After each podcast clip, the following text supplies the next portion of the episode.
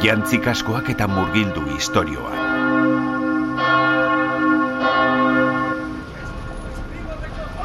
Zer da, Eliza bat? Antzeko zerbait. Jainko errukiora. Enuen sekula horrelakorik ikusi. Irakurria neukan ondamendiaren aurretik gure arbasoak eraikuntza bikainak altxatzeko gai izan zirela. Baina hau... Hau miragarria da. Noski, hainguratuen putzu hartatik irten da, txabola ziztrinenare katedrala irudituko zaizu, noski. Zer? Ziozu pakean. Barkatu? Kapitain, Zer? barruko portura sartuko gara? Ai, noski, kaskoa ondatuta daukagu ezin gara kanpoko kala batean geratu. Gainera ere ezin inoiz onaino iritsi, baina monastegiko fraide hauek seguro patxar bikaina daukate. Monastegia. Leku hau monastegia alda. Bai, horrela deitzen diote. Ze ba? E, zera, Madame Pompidou ni buruz hitz egin zidan behin. Ah, Pompidu, urdan gazar hori. Ta, zer zioen? Ez naiz ondo gogoratzen. Baina gauza honik ez. Ez, batere honik ez.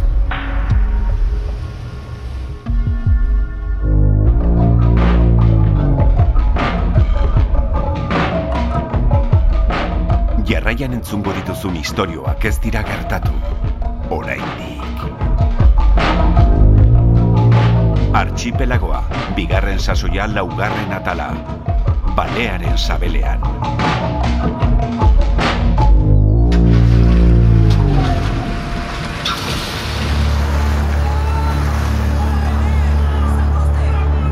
Itxura txarra du honek.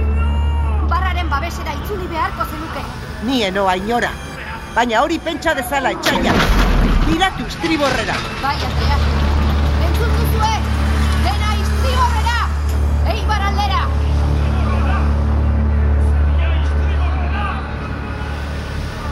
Jainkoak lagun gaitzala.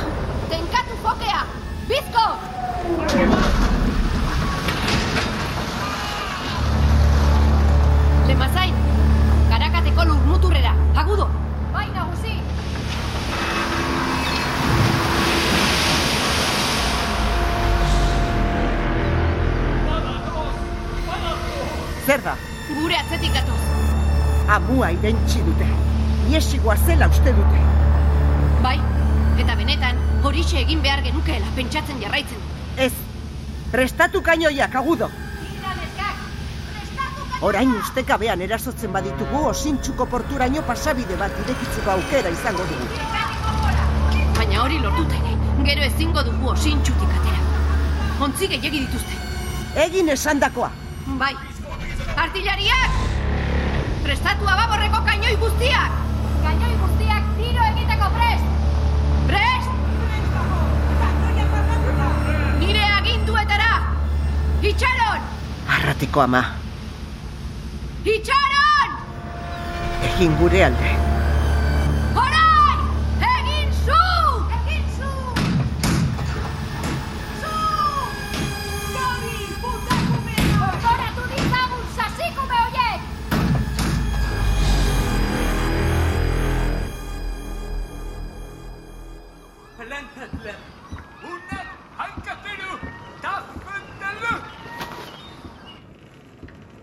Jajira komandantea.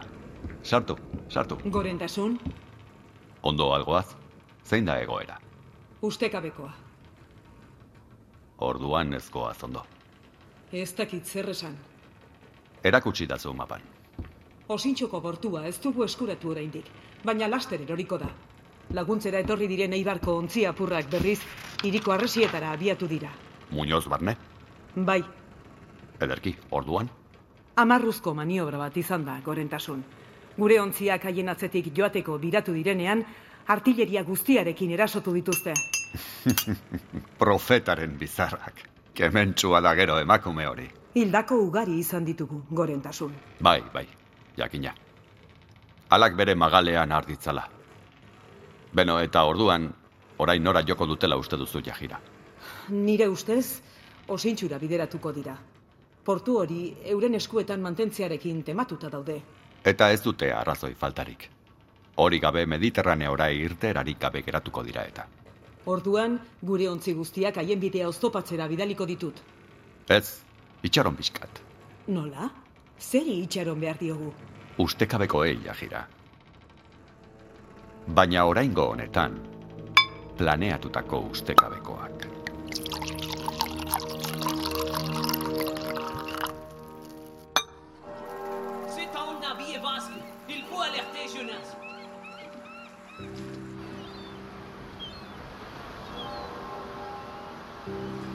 Prestatu txikota! Portura iristen ari gara! Begira, fraide batzuk keinuak egiten ari zaizkit. Ils arrivent. Ici, ici Gure ontzia mutillo horren parean lotzea nahi dutela ematen du. Zen bajoak, hori da kristau jokaera zintzoa. Jesusek ura ardo bihurtu zuen azken batean, ura bai tipua. Ondo pentsatuta, mozkorra garen ontzat erlijio perfektua da kristautasuna. Hori bai, ez dakiz zein arazo daukate sexuarekin. Favorez, denok ezin dugu gamba berginak izan. Iker, zatoz. Zer? Baina ze pasatzen da? Shhh. Susmo txarra hartzen diot leku honi, Iker. Txarra? Nire herria txikitu zuten itxaslapurra hauen ontzia baino kerragoa? Agian bai. Fraideak dira jare. Fedea duenarekin beti fio zaitezkela esaten zuen nire aitak. Izi! Zeza! Nire aitona justu kontrakoa esate zuen. Hartu txikota! Begira fraide buru handi horiek ikusten! Ardo asko dan eta larrutan gutxi egitearen itxura guztia dute. Ba, orduan gu bezala, ezta? bai, fraide bat egin zaude gizajoa. Bit, bit! Ui, ui, lasai, motel. Zalantzak bizirik mantentzen zaitu. Egidazu kaso, Iker. Ezkutatu txalupa honen atzean. Ongi da.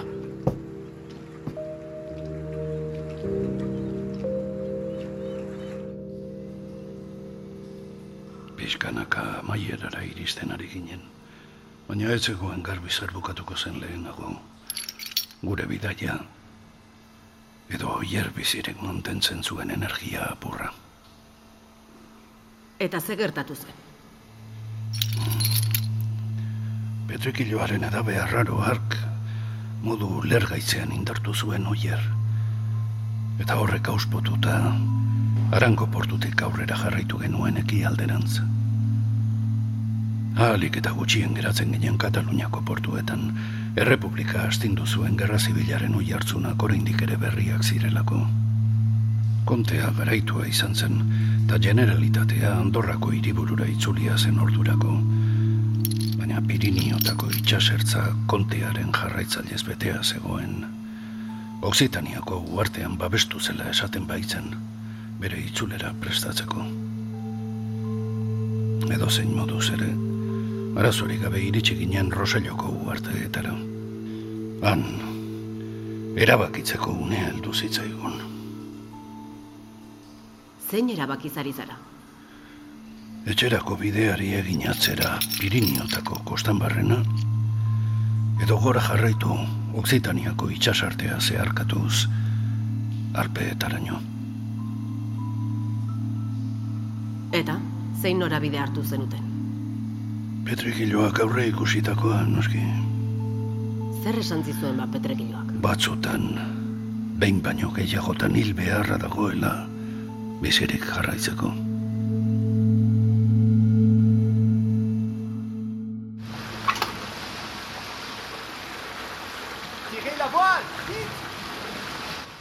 Garaiz gaude orain hon izar. Gara izertarako? Ba, beste bide bat hartzeko. Egoaldera konparazione, Marrakes aldera. Ah, ja.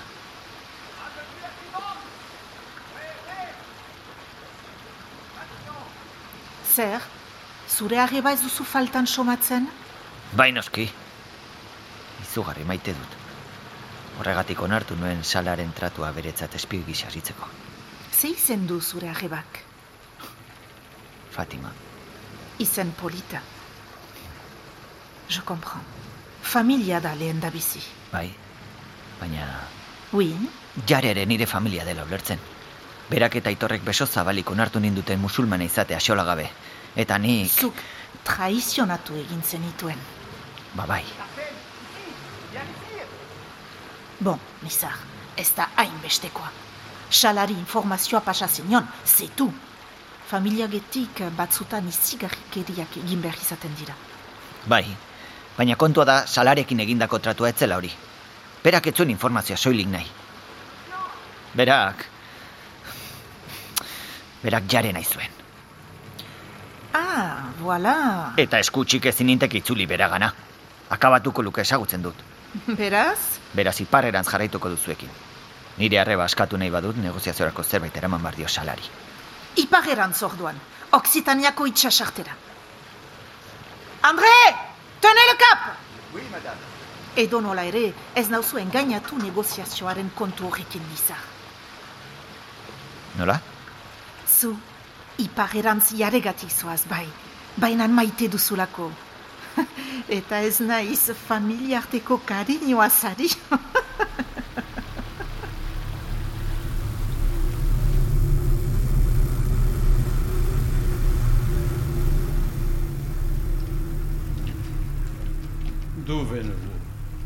De l'archipel basque Pardon, je ne parle pas votre patois. Euskaraz bakizu? Parle catalan? Quoi Occitan? Ez?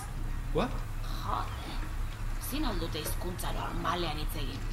Frantsesa laukatu bakarri dakiteta.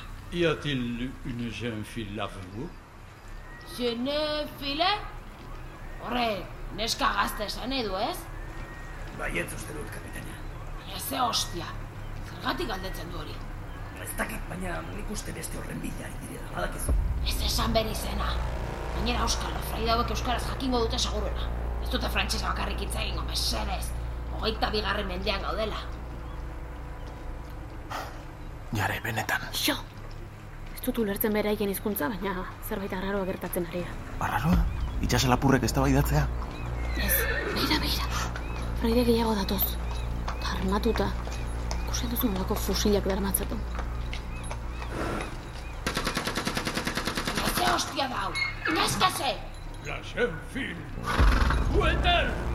Neska nahi dute, kapitain! Hori ulertu dia den ere, gela! Eman dizaio. Gu baino gehiago dira, eta armatuta daude. Bomboa! E, e, e, e, lasai, eh? Ez dago jartxo jarri beharrik. Hauek ez daude txantxetarako, kapitaina. Ez kezkatu, frantsesez pixka badaki. Moa, jesui file. Ulertzen, ni ere neska naiz. Ezin dut ulertu. Erligiosoak badira nola eraman ditzakete armak eskuetan. Ez dakit. Ea entzun diozu itxas lapurrari. Nire bila da biltza. Ok, ok. Lasai gaitezen dena. Emango dizuet neska. Dakor? Karri zazu. Banoa!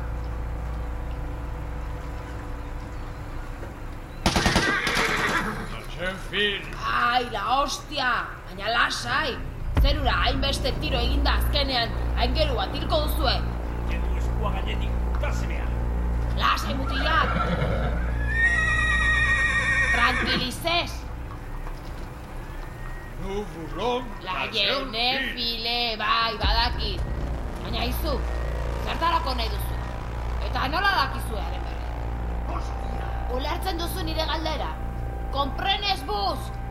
Zergatik nahi duzue neska hori. Ekarrizak neska ona bera! Ez dago, kapitain! Biak desagertu egin dira! Baina ze hostia! Zezi zere! Utzi! Kaindo hemendik! Kaindo askua! Hostia! Fraide puta!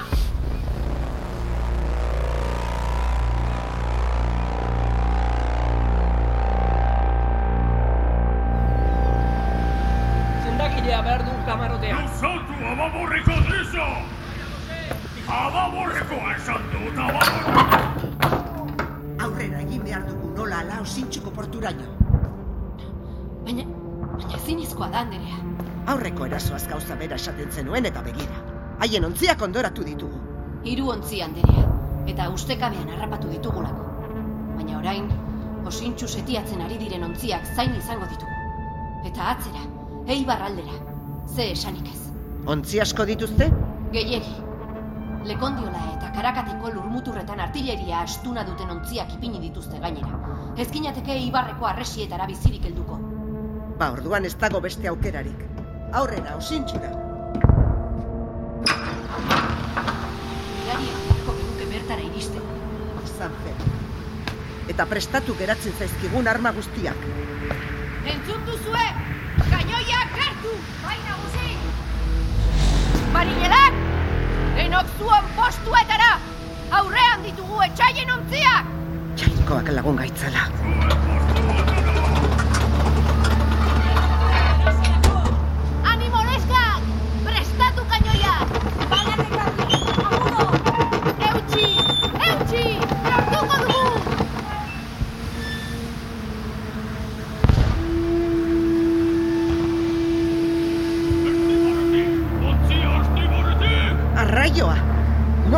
Nondik irten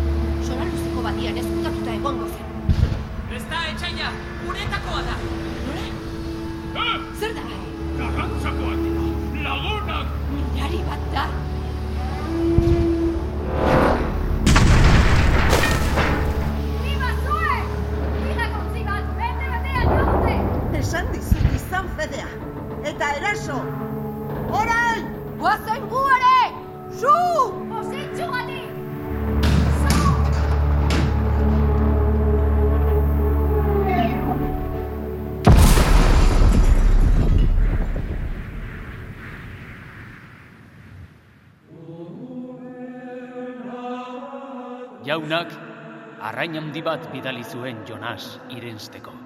Eta hiru egun eta hiru gau igaru zituen Jonasek arrainaren sabelean.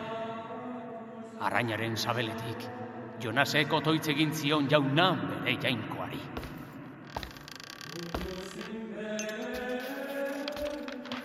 Larri nengoela jaunari oiu egin nion, eta erantzun zidan.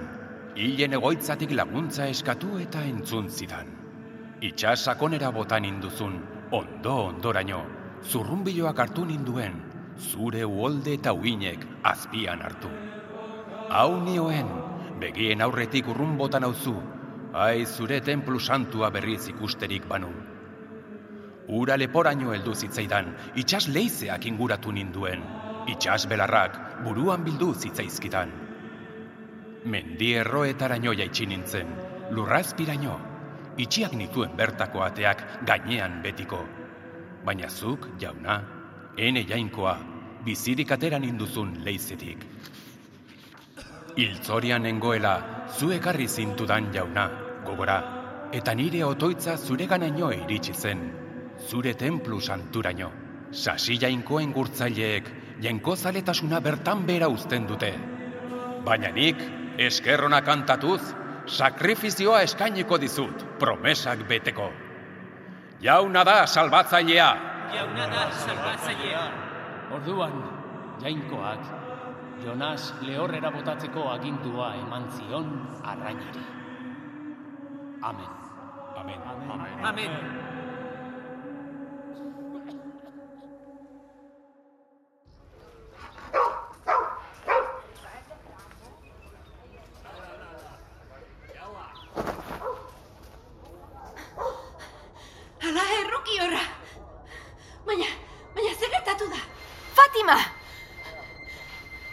Fatima! Fatima! Ondo zaude? Esan zerbait! Ba, bai, barkatu. Baina... Zorabiatu egin naiz, ni. Ala handia! Haze ikara eman didazuna. Bapatean zaku bat bezala erortzen ikusi zaitudanean. Okerrena pentsatu dut. Ez ez, lasai. Lagundu iezadazu zutitzen, Kalila. Bai. Jahira anderea laster itzuliko da eta nik ez dut... Ez esan txorakeriarik neskatu. Zuet zaude oraindik bianken gainean jartzeko. Min nobeno. Gainera, hor itxasoan borroka batean dabiltza oraintxe bertan. Soldadu batek esan dit. Eibarko fedegabe hoiek amarruren bat egina dute antza. Jahira anderea eta sala handia, ia seguru ez dira iluna barra baino lehen ona itzuliko. Beno ba, ezakit kasu horretan.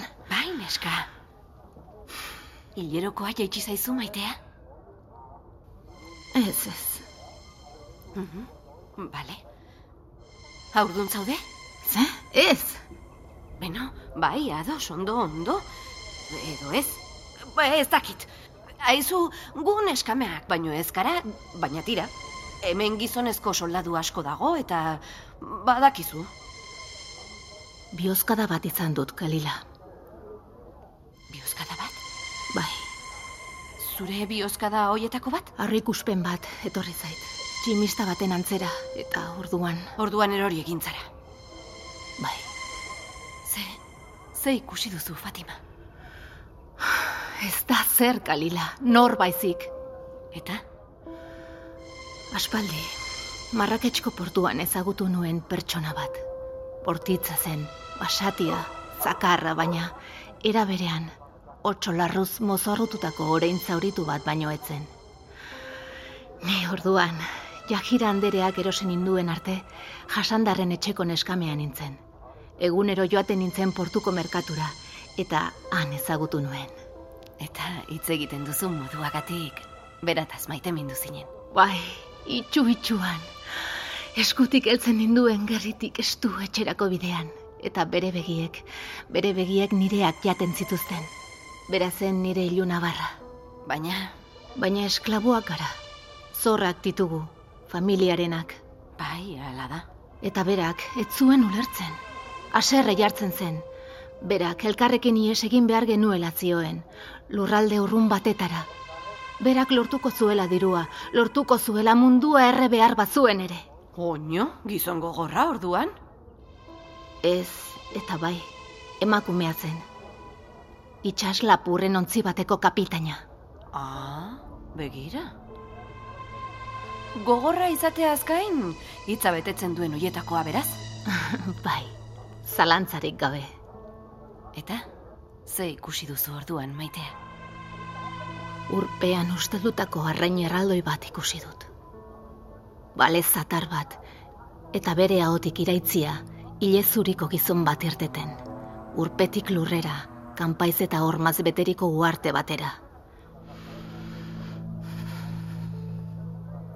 Begi hotzak ditu, eta iztoaren irribarrea. Eta... Berak... Berak hilko du nire maitea.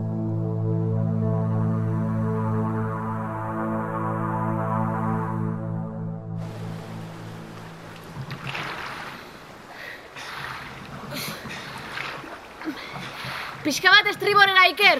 Eh? Estriborrera? Bai, han lurra ikustea iruditu zait. Ez da garbi ikusten, Ados, baina... estriborrera orduan.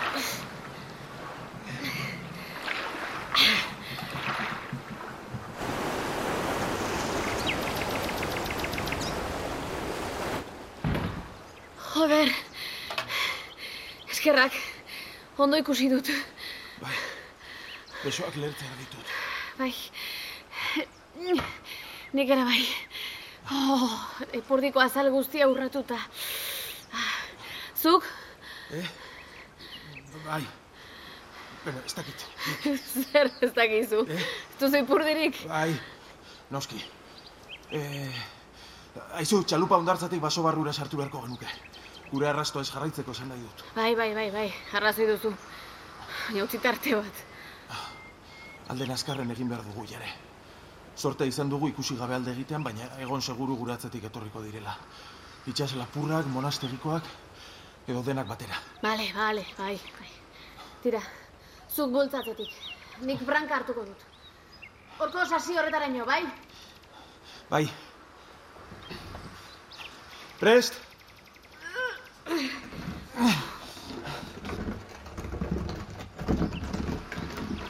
Gehiago. Bale, bale, bale, hor, hor, hor. Orain heldu bertzetik, Iker. Ezkerretik. Irauli egingo dugu, buruz bera jartzeko. Bale, guazen. Kontuz, badoa, eh? Jesus. Txikituta nago. Ba, Jesusek eta biok pixka bat itxoin beharko duzue. Bildu ostoak eta adarrak, Iker. Gainetik botako dizkiogu inork ez antzemateko. Bai.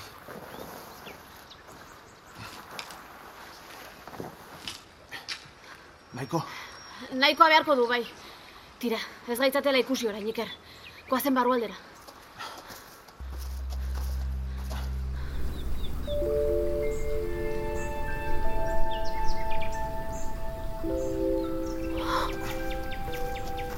Ene,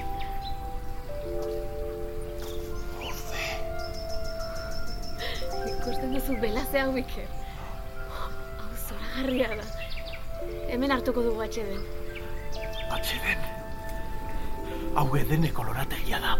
Dene kolorategia. Zer da hori? Paradisua jare.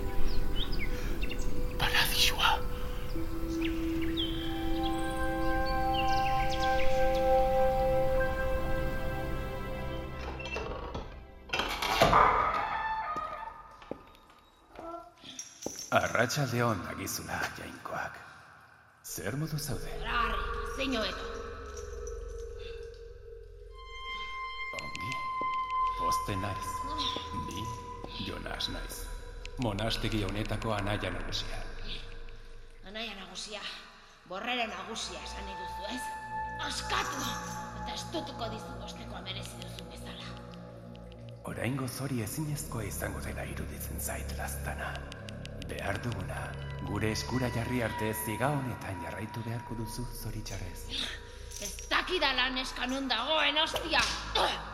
Ez esan bira hori! Zaitez papatik hartzera. Zu eta zure naitxo bizardun guztiak. Zer uste duzu? Ez dakidala ze jokotan zabiltzan. Mila biderra aritu naiz ni horretan. Txaropena eta duintasun guztia galdu arte presoak zapaltzen. Jainkoa. Bekatari doilorra zara beraz. Dagoen bekataririk handiena. Ez egin zalantzarik. Baina ni ez naiz behintzat zuen onberatasun faltxorrekin mozorrotzen. Kodar sasiko besadiko hiek... Azken aldiz eskatuko dizut. Esaiguzu neska hori nola topatu dezakegun. Eta bakean utziko zaitugu. Eta nik ere, azken aldiz erantzungo dizut, Jonas, anaia nagusia. Joan zaitez, infernura. Oker zaude, laztana. Erabat. Inorrez da infernura joaten. Infernua beti eskatzen duen arengana etortzen da. Irati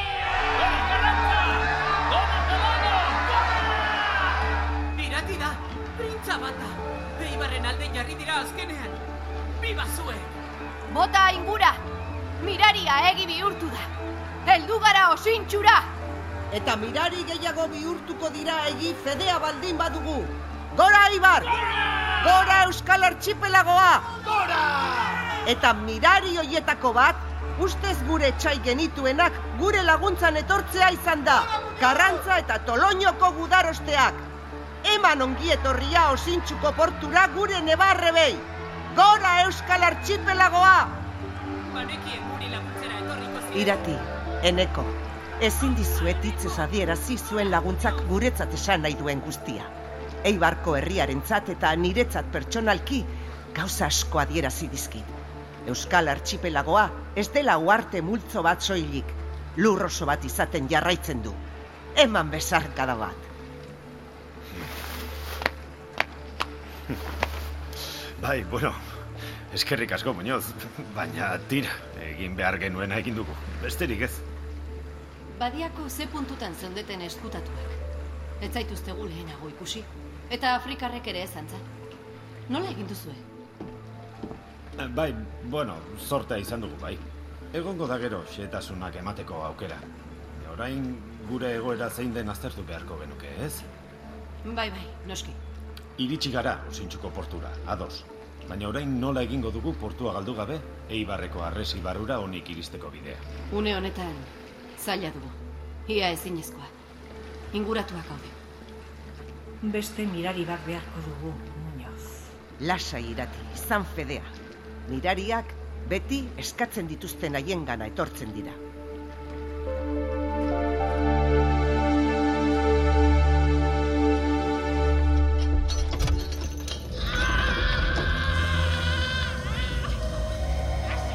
Ez dutu txirrika gehiago.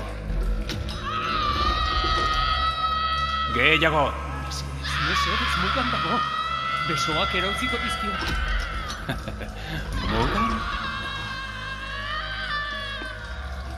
Zuek ez dakizu ez zer den bukan egotea. Ez dakizu ez zer den gau eta egun ilunpean bizitzea. Pistiaren sabelean galduta. Baina ikasiko duzue. Ez dut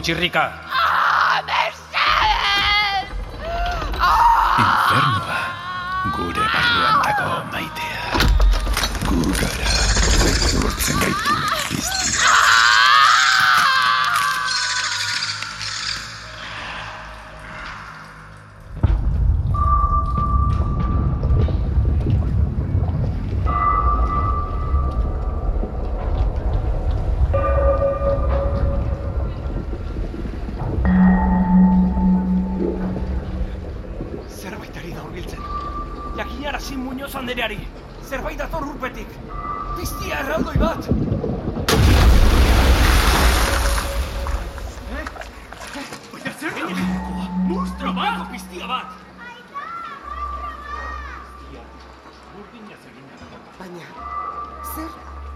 Zer erraio? Egunon guztioi! Batza, ze demontre da hori? Eutxi matrailari, Muñoz! Zer, ez alduzu inoiz urpekontzirik ikusi!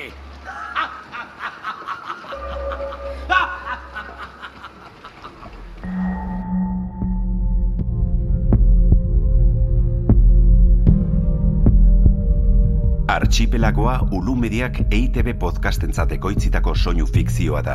Grabaketak Koldo Korea eta Santi Salvadoren estudioetan egin dira eta soinu diseinua Lasarteko Ulu estudioetan. Archipelagoan parte hartu dute Gidoian Xavier eta Martin Etxeberria. Grabaketan Koldo Korea. Soinu diseinuan Oier Arantzabal eta Jon Gartzia. Aktore zuzendaritzan Anart Zuazua. Jatorrizko musika Rafa Rueda.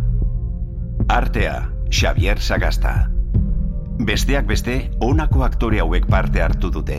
Aitziber Garmendia, Eneko Sagardoi, Itziar Rituño, Iñaki Beraetxe, Anartzu Azua, Sara Kozar, Clara Abadiola, eta Bikoizle Euskaldunen elkartea. Ekoizpena eta koordinazioa, Xavier Etxeberria eta Kristina Tapia Huizi. Zuzentzaile eta edizio lanak, Juan González Andrés. Zuzendaria Oier Arantzabal. Sail guztiak entzun gai dituzu EITB podcasten edo audioak entzuteko darabiltzun dena delako plataforman. Arpidetu eta zabaldu lagun zein etxaien artean. Ei, txt, entzun hori. Ulu Media.